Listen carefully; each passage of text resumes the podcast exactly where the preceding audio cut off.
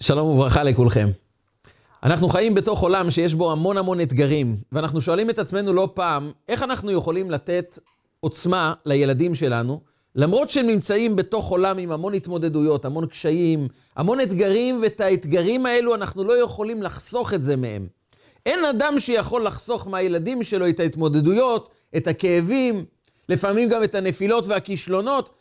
אנחנו שואלים את עצמנו רק איך אני יכול לתת להם עוצמה פנימית. שלא ייפלו, שלא יתרסקו כתוצאה מההתמודדויות שיש סביבם. איך אני בונה בילד עוצמה, חוסן, יציבות, נינוחות פנימית, בתוך עולם כל כך מלא בתחרות, בקשיים, בנפילות, באכזבות לא מעט פעמים.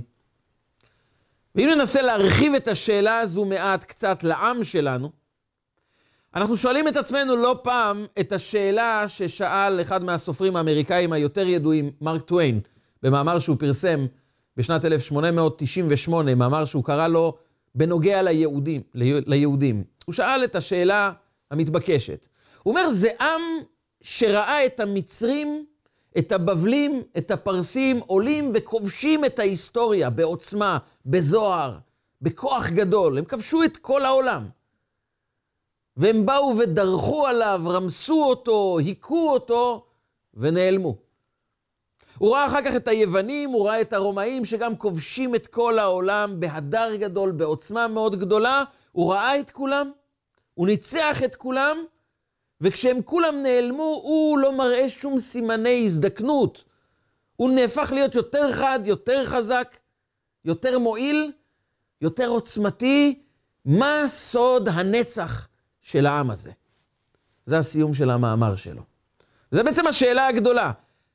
מה סוד כוחו של העם היהודי, שלמרות שהוא נמצא כאומה שמייצגת יותר מכל אומה אחרת, היסטוריה מלאה בדם, בכאב, בנפילות, באכזבות, בטבח, בפוגרומים, בשואה, והוא תמיד נשאר, הוא תמיד פה.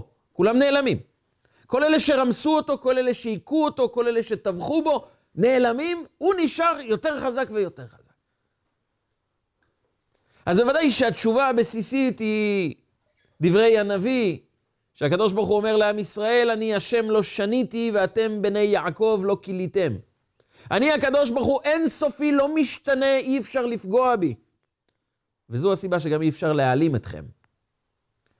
אבל השאלה הגדולה לחיים שלנו, איך אנחנו מבטאים את סוד הנצח הזה בחיים שלנו? מהי הנקודה שמבטאת את העוצמה האלוקית האינסופית בתוך התוכן של העם היהודי. מה בעצם החזיק את העם היהודי? מה נתן את הכוח, את העוצמה, לשרוד למרות הכל, לא להיעלם בתוך דפי ההיסטוריה, כפי שהאומות החזקות ביותר נעלמו, אלא להישאר נוכח, נצחי, קיים. מה שונה בעם היהודי? מה יש בו שאין באומה אחרת? ואם נוכל לתרגם את זה יותר עמוק, איך אני בונה בית שיש בו את סוד הנצח? איך אני בונה עוצמה פנימית בילדים שהם לא ייפלו כתוצאה מהאתגרים, אלא יהיו חזקים יותר?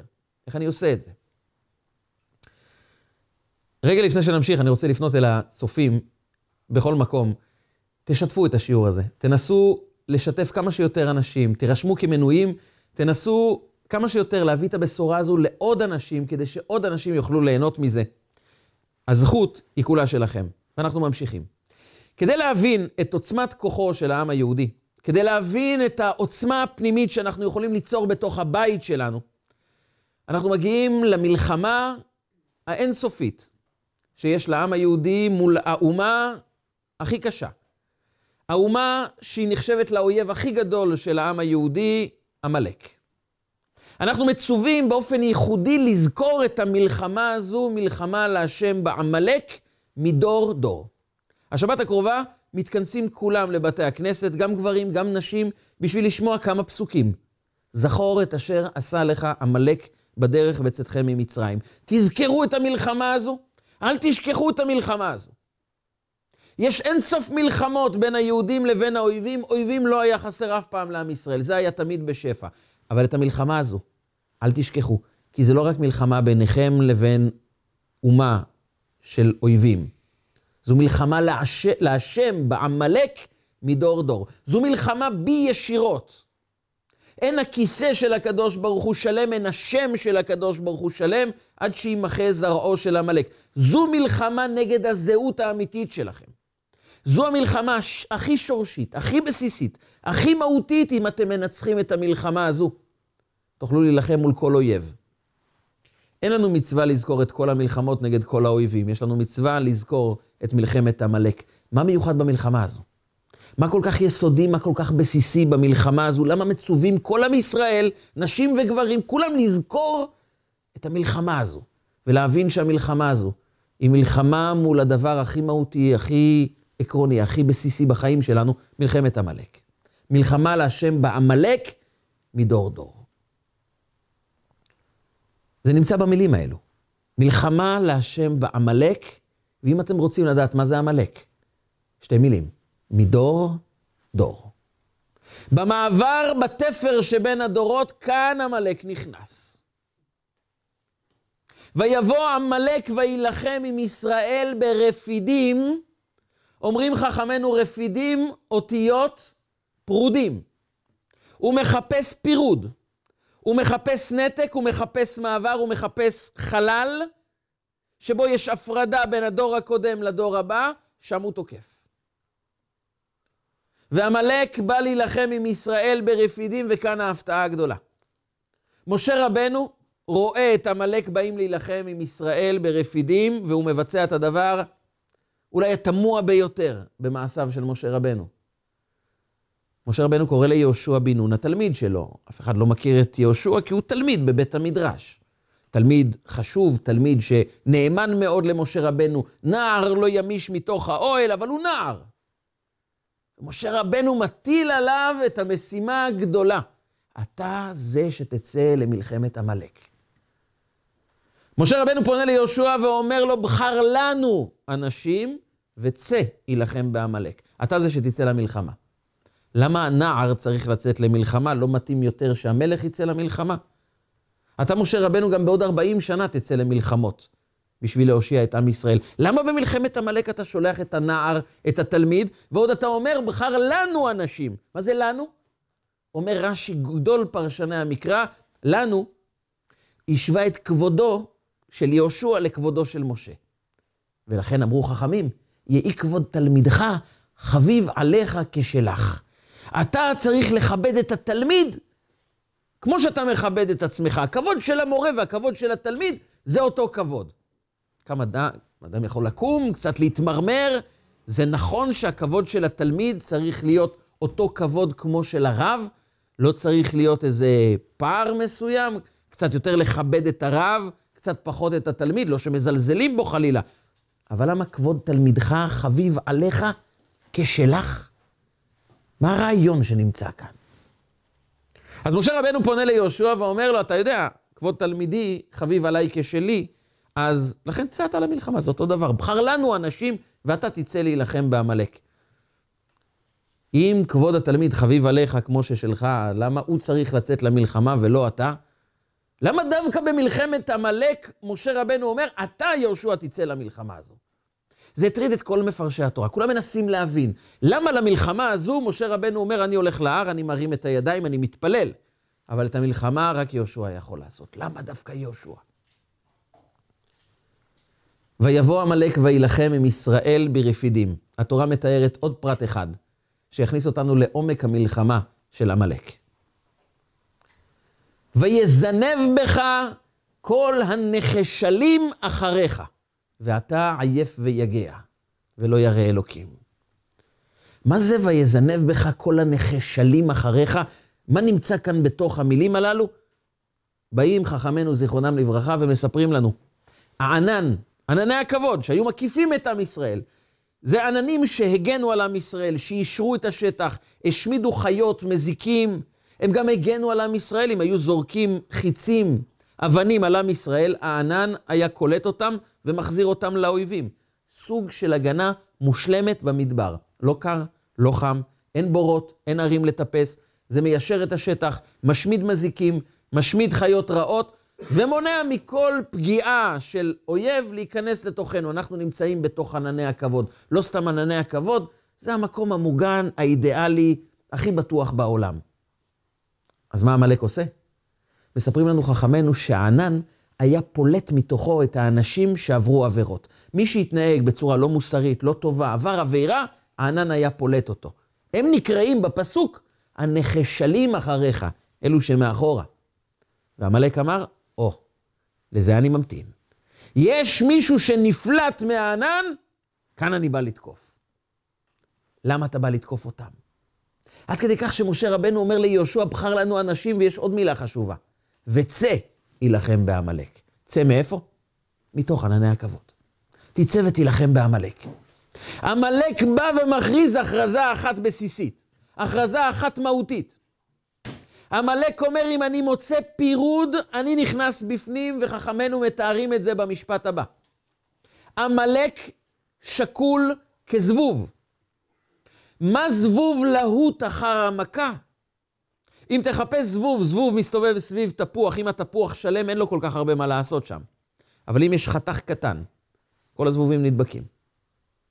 אם יש אור של אדם שלם, אין לו הרבה מה לעשות שם, אבל אם יש חתך, יש פצע, הוא מוצא.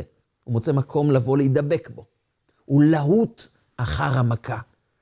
ההשוואה הזו היא לא השוואה רק חיצונית, שזבוב להוט אחר המכה ועמלק מחפש דם. זו השוואה מהותית. עד כדי כך שרבנו בעל הטורים כותב על הפסוק, כתוב זאת זיכרון בספר. אחרי מלחמת עמלק, הקדוש ברוך הוא מבקש מאיתנו לרשום את הדבר הזה. כתוב זאת זיכרון בספר ושים באוזני יהושע. אומר רבנו בעל הטורים, זיכרון בספר ושים באוזני ראשי תיבות זבוב. יש כאן חיבור מהותי, איזה עניין פנימי בין הזבוב לבין עמלק. שניהם מחפשים חתך, פירוד. ברגע שהזבוב רואה שיש משהו נפרד, יש משהו לא שלם, הוא נמצא בתוך החור הזה. הוא נמצא בתוך השריטה הזו. וכמו שיש שריטה פיזית, יש גם, ובעיקר, שריטה רוחנית, חתך רוחני. ואין חתך רוחני בעם היהודי יותר גדול מפירוד. הוא בא לנחשלים אחריך ואומר להם, אתם רואים? הענן פלט אתכם, מה שאומר שיש את העם היהודי, יש את האנשים הקדושים, יש את האנשים שהם חלק מהסיפור היהודי, ואתם כבר לא הסיפור היהודי. אתם נפרדים, ולכן אני נכנס כאן באמצע. ויזנב בך כל הנחשלים אחריך. ברפידים, אותיות פרודים. הוא אומר, אם יש פירוד, אני יכול להיכנס. וזה קו מנחה בכל חייו של עמלק עד המן, שמגיע לאחשוורוש בסיפור של פורים, פונה לאחשוורוש ואומר לו משפט אחד, ישנו עם אחד, מפוזר ומפורד בין העמים. ולכן אני מתעורר. כי כשיש פירוד, כמו שהזבוב נזכר להגיע ואתה לא מבין מאיפה הוא נחת, כך המן בדיוק מחפש את רגע הפירוד ואומר, אני נכנס. ומה עומק הפירוד? מה עומק הביטוי של החתך, של השריטה הרוחנית של עם ישראל? מלחמה להשם בעמלק מדור דור. הוא פונה לאנשים ואומר להם, אתה רואה, אתה לא חלק מהסיפור היהודי, אתה בחוץ. אותך לא ממש צריך. הביטוי הזה של יש אנשים יותר חשובים ויש אנשים פחות חשובים, זה הגדרת המהות של עמלק. ולכן הוא פונה לנחשלים אחריך, אלו שהענן פלט, ואומר להם, אתם רואים, לא צריכים אתכם. אתם מחוץ לסיפור, תעזבו את העם היהודי. והפירוד הזה, זה המקום שבו עמלק נכנס ואומר עוד דבר, מדור דור. במעבר הדורות תמיד נוצרים פערים. אחד הביטויים לזה שהילדים הם לא כמו ההורים ובטח לא כמו הסבים, תמיד אנחנו אומרים, זה דור אחר. זה דור אחר. זה לא כמו שאנחנו, כשהיינו ילדים, לא היינו כאלה. זה משפט שאני חושב שכמעט כל מבוגר אומר, אחד הסימנים לאדם שמתבגר זה כבר הסימן, הילדים של היום זה לא כמו שאנחנו היינו פעם. אז אתה יודע שהגיע דור חדש. והעם היהודי נלחם בעיקר נגד המשפט הזה. כי עמלק פונה לילדים ואומר להם, אתם סיפור חדש. אנחנו לא נגד האבא שלכם, אבא שלכם היה צדיק. סבא שלך היה רב גדול. אבל אתה חי ב-2023, ואתה תפנה למקומות אחרים. אתה לא צריך להמשיך באותה דרך. אתה כבר סיפור אחר, אתה תכבד את ההורים, את הסבים, את ההיסטוריה, תכבד את זה. אבל אתה סיפור אחר. הוא מחפש את הפער בין הדורות ואומר, אם הילדים יתנתקו מהעבר, אם הילדים יהיו משהו אחר, אני יכול להיכנס באמצע. כי כמו שזבוב להוט אחר המכה, ככה עמלק להוטים אחר הנחשלים אחריך. אתכם לא צריך, ואתם הילדים כבר דור אחר. תתקדמו, תתקדמו הלאה. ואז הוא יוצר חציצה, פער, שריטה רוחנית. הילדים זה כבר לא אותו דבר כמו ההורים, והם אומרים לעצמם, אנחנו חיים בדור אחר, אנחנו מנטליות אחרת. ובא משה רבנו ליהושע ואומר לו, אתה יודע, גם אתה דור אחר. אתה תהיה דור אחר שונה ממני, אתה תיכנס לארץ ישראל, אני כנראה לא אכנס לארץ ישראל. גם אם הוא לא אמר לו את זה במילים, אבל ברור שהתלמיד זה לא אותה צורת חיים כמו הרב.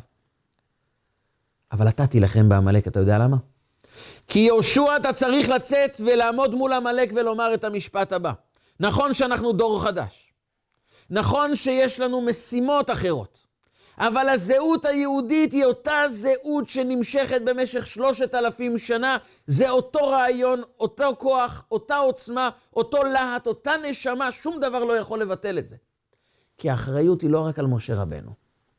האחריות היא עליי, אותו דבר. לכן לא משה רבנו יוצא למלחמה, אני יוצא למלחמה, כדי לומר לך דבר אחד.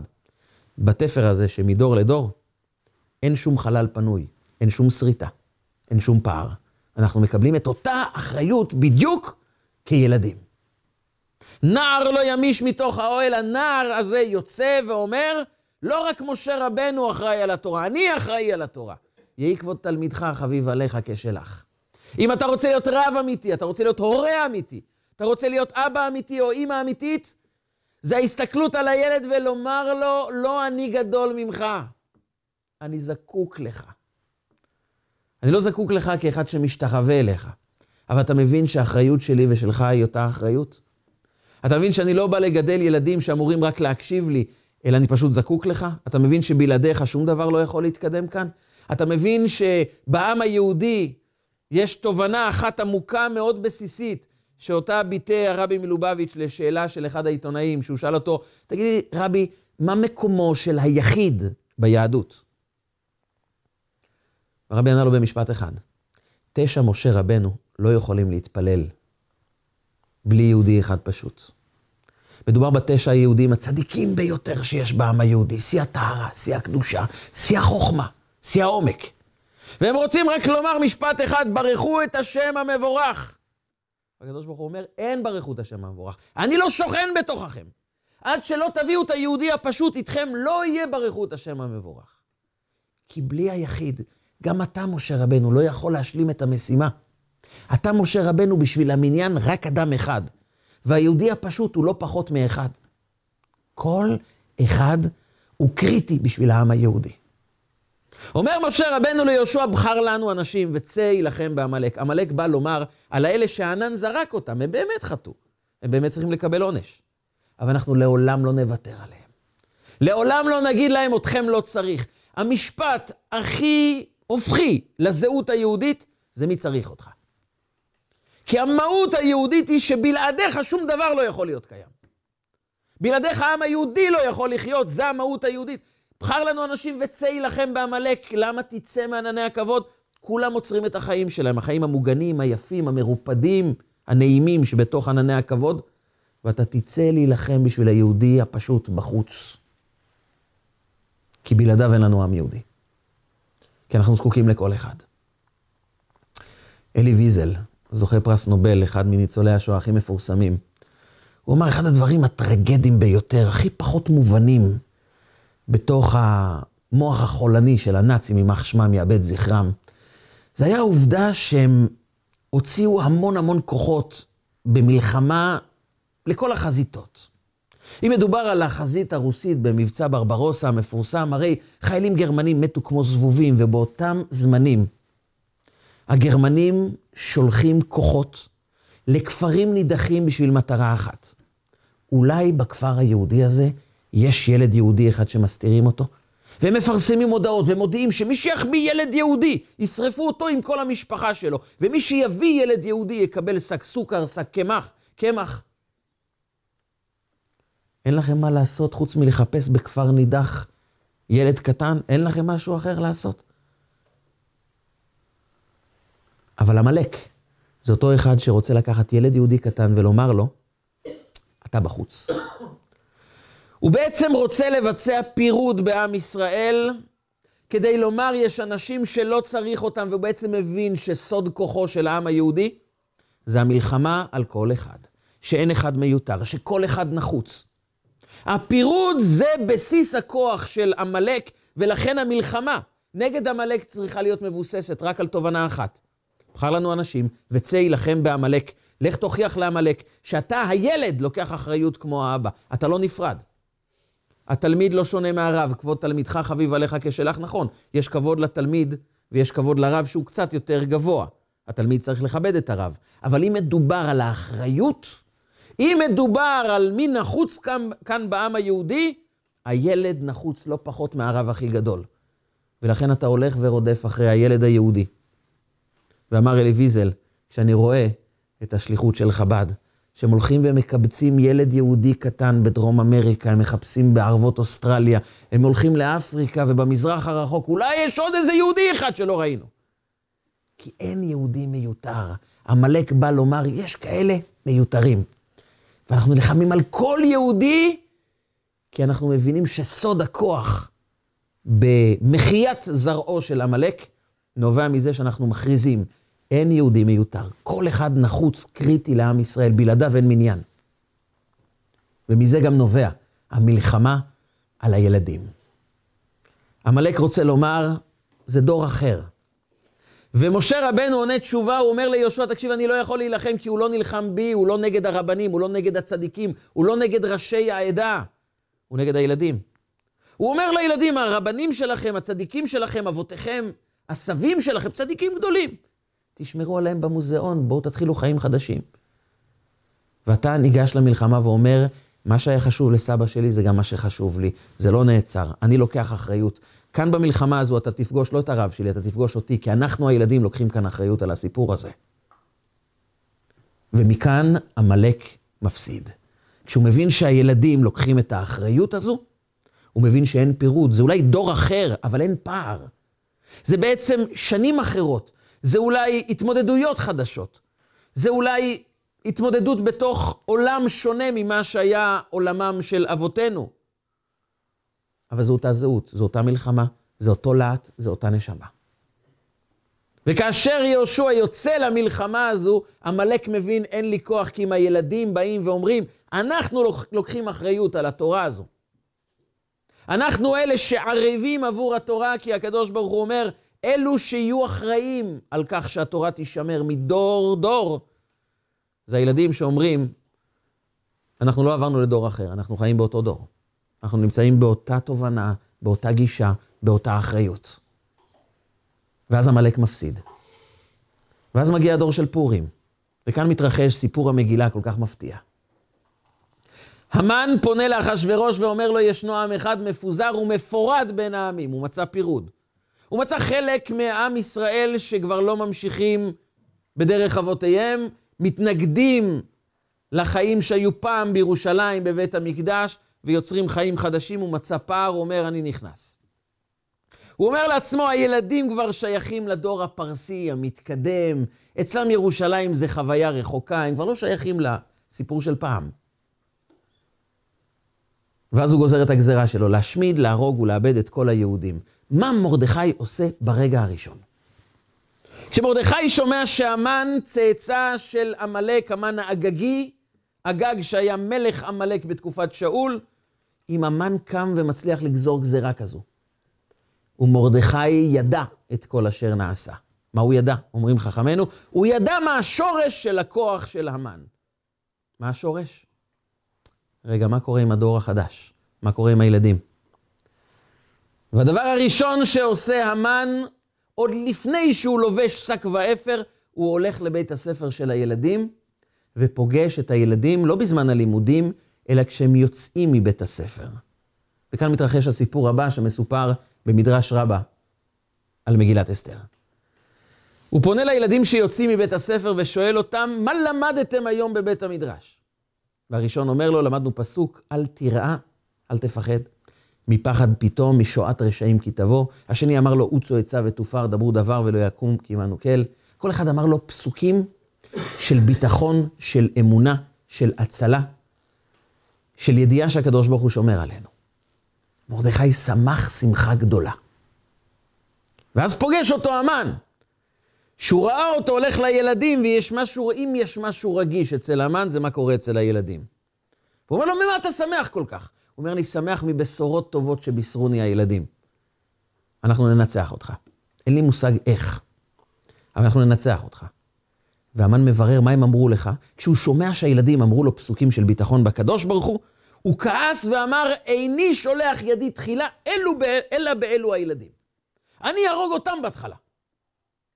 מה אתה מתעצבן? ילדים קטנים שלמדו פסוק היום בבית הספר. מה הכעס שלך?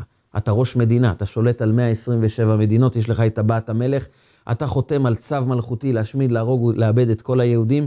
מה אתה עסוק עכשיו במה הילדים מספרים סיפורים למרדכי? מרדכי יש לו עניין עם ילדים קטנים שיסתדר לבד. מה אתה כל כך לחוץ? הוא כועס. למה הוא כועס? כי המן טיפש לא היה, הוא היה רשע מרושע, אבל טיפש הוא לא היה. והוא פתאום שומע שמרדכי והילדים, יש איזה חיבור ביניהם. הילדים לא חיים בדור הפרסי, הם חיים באותו דור של מרדכי. יש פער של שנים, אבל אין פער תודעתי.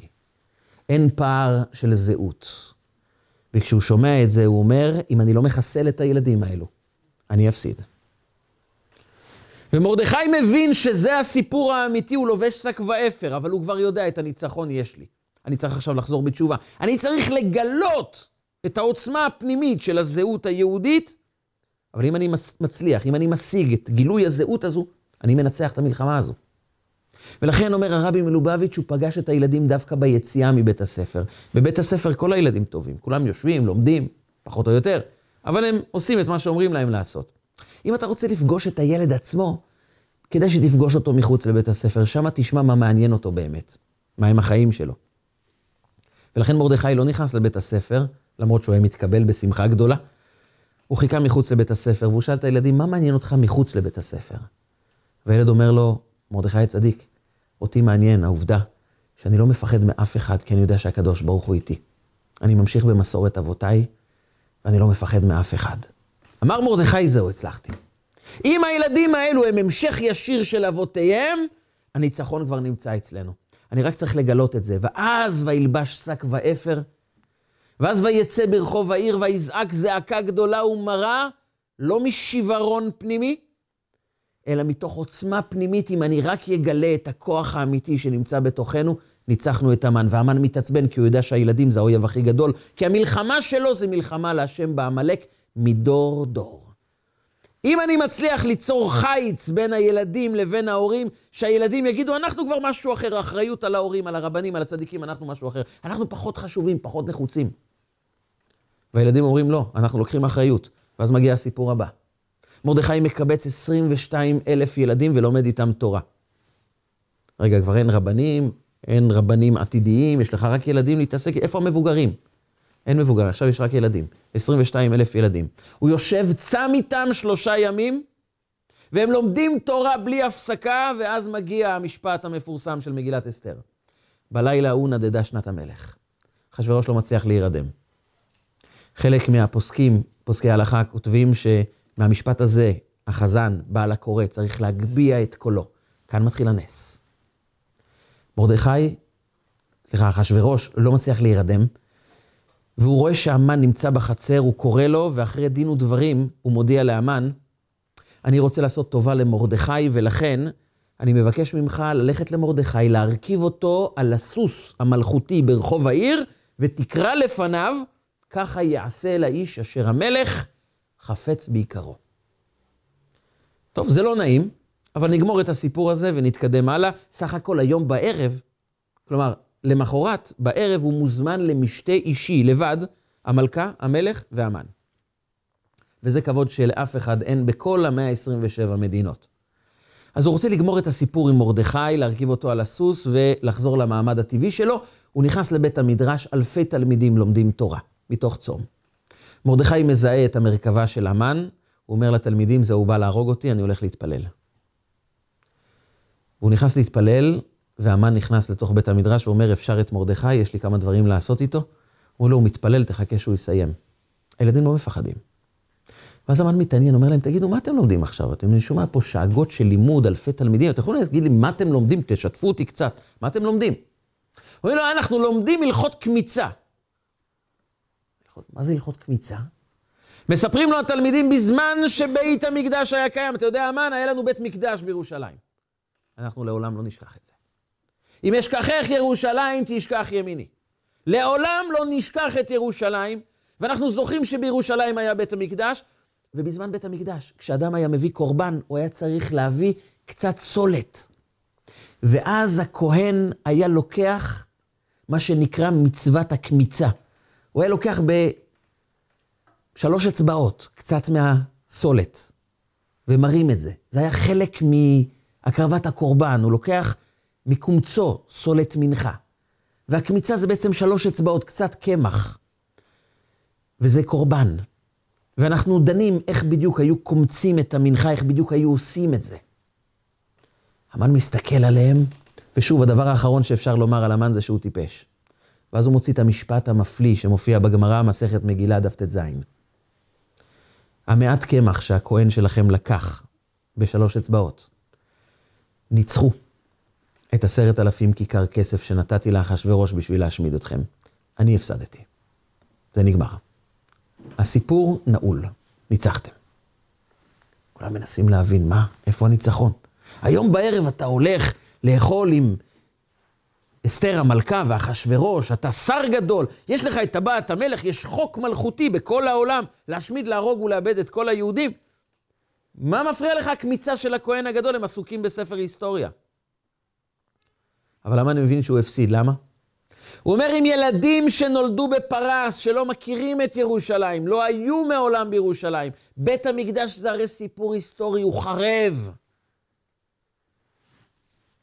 אבל הילדים האלו חיים עדיין בבית המקדש, אתה מבין? אין פער דורות אצלם. הם חיים בתוך ירושלים, הם נמצאים שם. הם חווים עדיין את הקמיצה של הכהן, הם לא הפכו את הדף. הם לא המשיכו בסיפור, הם נמצאים באותו סיפור. זה עם של עכשיו העניינים מתרחשים. אנחנו חיים בירושלים, אנחנו חיים בבית המקדש. עם הילדים הפרסיים, שחיים בתוך יקום, זה עולם שלם. זה גלובוס שכולו נתון תחת התרבות הפרסית, 127 מדינות, וזה לא מעניין אותם. הם מסתכלים על העולם ואומרים, אנחנו עם ישראל, ירושלים, בית המקדש, הלכות קמיצה. אם אין פער דורות, אם הם מרגישים שעכשיו הם אלו שעומדים למרגלות הר סיני, אני הפסדתי. כי הנקודה של העם היהודי, זה הנקודה שבכל יום יהיו בעיניך כחדשים. אתה לא לומד תורה שניתנה פעם. היום, ברוך אתה השם, מברך כל יהודי בכל בוקר. ברוך אתה השם, נותן התורה. לא נתן, נותן. אין אצלנו עבר. אנחנו עכשיו מקבלים תורה. בכל דור ודור חייב אדם לראות את עצמו כאילו הוא יצא ממצרים. אני יצאתי ממצרים. כשאני עומד כאן בעולם, אני זה היהודי שיצאתי מעבדות לחירות. אני זה שעמדתי למרגלות הר סיני. אני זה שמקבל היום את התורה. רבי יהושע בן לוי יוצא בוקר אחד, אחד מגדולי התנאים המפורסמים הכי גדולים בעם היהודי. מספרת הגמרא, הוא יוצא יום אחד, ובמקום הכובע הרבני המכובד, יש לו סדין מסביב לראש. וזה לא היה פורים. והתלמידים שואלים אותו, רבי, למה אתה יוצא בצורה כל כך מוזרה? זה ביזיון בשבילנו, בטח בשבילך. הוא אומר להם, אני, זה מאוד פשוט, אני צריך לכסות את הראש, לא יהיה לי זמן לארגן את הכובע הרבני שלי, שאז בזמנו זה היה צריך כריכה של צעיף מיוחד על הראש, ולכן שמתי מהר איזה צעיף, כי אני צריך להביא את הילד שלי ללמוד תורה. הלימודים מתחילים. לו, לימודים מתחילים, הכל בסדר, תכתוב לו פתק איחור באישור של ההורים. למה אתה צריך להסתובב בצורה כזאת ברחוב? למה להסתובב בצורה כל כך בזויה באמצע הרחוב? והוא לא מבין אותם. הוא אומר להם, אבל הבן שלי צריך להגיע בזמן ללימודים. הוא אומר לו, בסדר, אז הוא יאחר כמה דקות, מה קרה? הוא כל יום מגיע בזמן, מחר הוא יגיע בזמן, אז הוא יאחר היום כמה דקות. אומר להם רבי יהושע בן לוי, אתם לא הבנתם פסוק בתורה. יש פסוק שאומר, והודעתם לבניך ולבני בניך, יום אשר עמדת לפני השם אלוקיך בחורב. אתה מצווה ושיננתם לבניך, יום אשר עמדת לפני השם אלוקיך בחורב, מה זה אומר? חורב זה הר סיני. כל המלמד את בנו תורה, מעלה עליו הכתוב, כאילו קרבו לפני הר סיני. אתה מבין, בכל העולם שמביאים ילד ללמוד, מביאים אותו לספר של לימודים. אנחנו בעם היהודי לא מביאים ילד ללמוד תורה. אנחנו מביאים אותו לפני הר סיני. הוא הולך להיות נוכח במעמד הגדול של מתן תורה, היום. מה שהיה אתמול, מה שיהיה מחר, זה לא הסיפור. היום מקבלים את התורה. ואם היום הוא מקבל את התורה, עכשיו מתרחש מעמד הר סיני, אני צריך עכשיו לחכות בבית חמש דקות עם פתק איחור? אני אשים מה שלא יהיה על הראש שלי, שהבן שלי ילך למעמד הר סיני. הוא בעצם העביר להם, אתם יודעים, אצלנו בעם היהודי, היום זה הדבר הכי חשוב בעולם. כי היום אתה מוריד שכינה, היום אתה מבטא עוצמה אלוקית שלא היה מעולם. עכשיו אתה מקבל את התורה, עכשיו אתה זה שיוצא ממצרים, אתה הסיפור. אומר המן, אם הילדים האלו לא רואים את עצמם כפרסיים, הם חיים בתוך עולם שכל הגלובוס פרסי, כל הגלובוס נתון תחת מרותו, תחת השפעתו, תחת תרבותו של העם הפרסי. זה לא מעניין אותו. הם חיים עדיין עם הקמיצה בבית המקדש, כי הם חיים בירושלים. תקופת השלטון הטורקי, הטורקים החליטו יום אחד שהם חייבים לזרוק את היהודים מירושלים, אבל הם לא יכולים לעשות את זה בצורה אנטישמית גלויה. פשוט להוציא את כל היהודים מירושלים, אז הם אמרו, מי שלא נולד בירושלים לא יכול לשהות בירושלים. ומכיוון שרוב היהודים הגיעו ממקומות אחרים, רובם מחו"ל, אז רק הערבים יישארו והיהודים ייאלצו לעזוב את ירושלים. אבל איך יודעים מי נולד בירושלים? אין רישומים מדויקים. כל אחד יכול להגיד, אני נולדתי בירושלים, אז הטורקים אמרו, אנחנו סומכים על שבועה של כל דת בספר הקדוש שלהם. שהערבים יישבו בקוראן והיהודים יישבו בתנ"ך.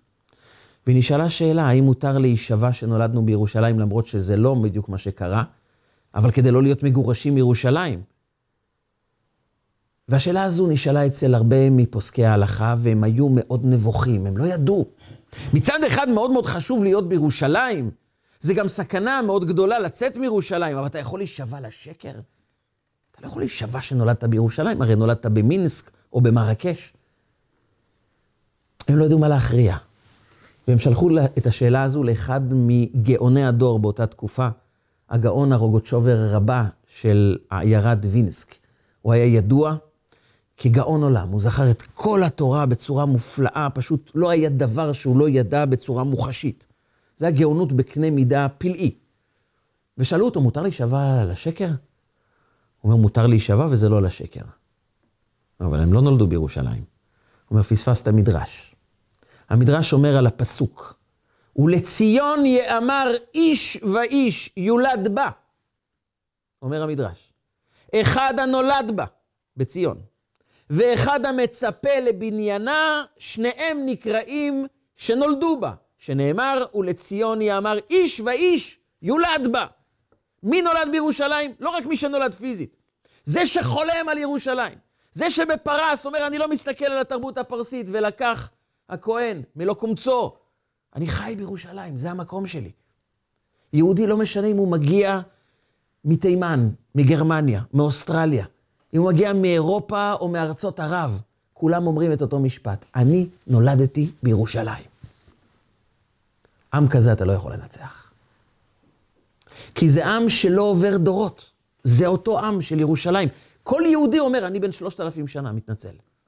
אני יותר זקן ומבוגר מכולכם, ולכן אני רואה את כולם, כולם נעלמים ואני נשאר. כי כל יהודי במהותו, הוא הדור שיצא ממצרים, הוא הדור שמקבל את התורה, הוא הדור של העם היהודי, ולכן הקדוש ברוך הוא אומר, בתוך קודש הקודשים שלי, אתם יודעים מה אני רוצה? אני רוצה את לוחות הברית, את מעמד הר סיני. מעליו יש פלטה מזהב, הכפורת. ומעל הכפורת, שני כרובים שוחחים בכנפיהם. מי הם הכרובים? דמות תינוק ותינוקת. שוחחים בכנפיהם. מי המגינים האמיתיים של התורה? מי הקודש הקודשים של עם ישראל? ילד וילדה. זה סוד כוחו של העם היהודי. ואם אני רוצה מישהו שייקח אחריות על העם היהודי, זה רק הילדים האלו. כי אם הילדים אומרים, אנחנו לוקחים אחריות, אנחנו אלה שנילחם בשביל העם היהודי, אנחנו חיים בירושלים, אין מעבר של דורות. זה הכל נמצא בהווה. כולנו נמצאים באותו מקום של מתן תורה. כל אחד מרגיש נחוץ, כל אחד מבין שהוא נחוץ. אנחנו נלחמים על כל יהודי וכל ילד וכל ילדה, וזה סוד הכוח של קודש הקודשים. אתה צריך לשפר הרבה דברים, יש מקום בבית המקדש לכפר על העוונות, להקריב קורבנות, להקטיר קטורת, אבל הכל נובע רק מתודעה אחת. קודש הקודשים, ילדים זכים וטהורים, זהב טהור תעשה אותם. הם המגינים האמיתיים. וכשאתה נמצא בתוך בית, ואתה רוצה להעיר הערות לילדים, אתה רוצה לקדם אותם, אתה רוצה לתת להם עוצמה, אתה רוצה לשפר אותם. אתה יכול רק אם אתה מכיר בעובדה שהילדים האלו הם ההגנה האמיתית של עם ישראל, הם הקרובים, הם קודש הקודשים. ילד שואל את עצמו לפני הכל, אני יודע שיש התמודדויות, אני יודע שהעולם הזה הוא לא עולם שמחייך אלינו יותר מדי. אבל אני מחכה רק לראות דבר אחד, האם בעיניים של ההורים שלי יש את הניצוץ הזה שמסתכל עליי ואומר, בני, בתי, אתם הכי חשובים לעם היהודי, אנחנו זקוקים לכם. אין יותר חשובים מכם. אתם מיוחדים. אתם חשובים לא פחות מאיתנו, ואולי יותר מאיתנו. ולכן אנחנו מעריצים אתכם, אנחנו מסתכלים עליכם כמו שני כרובים, זהב טהור תעשה אותם בקודש הקודשים. אם יש לך את זה, אתה יכול להעיר הערות, אתה יכול לשפר אותם, אתה יכול להעיר, אתה יכול לומר, אני האבא ואתה צריך להקשיב. הכל נכון, אתה מחנך ומדריך. אבל השאלה הבסיסית, האם יש קודש קודשים בפנים? האם יש את המבט הזה של משה רבנו פונה ליהושע ואומר, בחר לנו אנשים, אתה כמוני בדיוק. אני זקוק לך, אתה יכול יותר ממני אפילו לעשות את זה. אתה זה שמגן על העם היהודי. אתם יודעים מה זה עושה ליהושע? הוא מבין פתאום את כובד האחריות שיש לנער, את רמת החשיבות שלו, שמסתכלים עליו כמגן העם היהודי. וזה מה שמרדכי עושה עם הילדים. הוא אומר, אם אתם הילדים איתי ביחד, המן לבד יבין, יבין שהוא הפסיד, והמן הבין את זה. הוא אומר, בא הקומץ של הכהן וניצח עשרת אלפים כיכר כסף. ולכן יש דבר מפתיע. בקריאת המגילה כולנו יודעים שכאשר אומרים את המילה המן, מתחילים להכות. מאיפה הגיע המנהג הזה? גדולי הצדיקים מתחילים לתת מכות כמו ילדים קטנים על השולחן, רעשנים, עם הרגליים. מאיפה המנהג הזה הגיע? הוא באמת הגיע מילדים קטנים. הילדים היו נוהגים לעשות דמות של המן ולהכות את הדמות הזו. כדי לבטא בצורה ילדותית קצת, תמחה את זכר עמלק. וזה נכנס לספר ההלכה וגדולי הצדיקים נוהגים במנהג הילדים. למה? כי אם הילדים הבינו שזה לא המלחמה של המבוגרים, זה המלחמה שלהם. הם בעצמם עם אש כזו, לעולם לא יגידו לי אתה לא נחוץ, לעולם לא יגידו לי אותך לא צריך, לעולם לא יגידו לי תשמע, אתה סיפור אחר, הדורות הקודמים זה סיפור אחר לגמרי. לא, זה הסיפור שלי. אני והסבא שלי זה אותו דבר.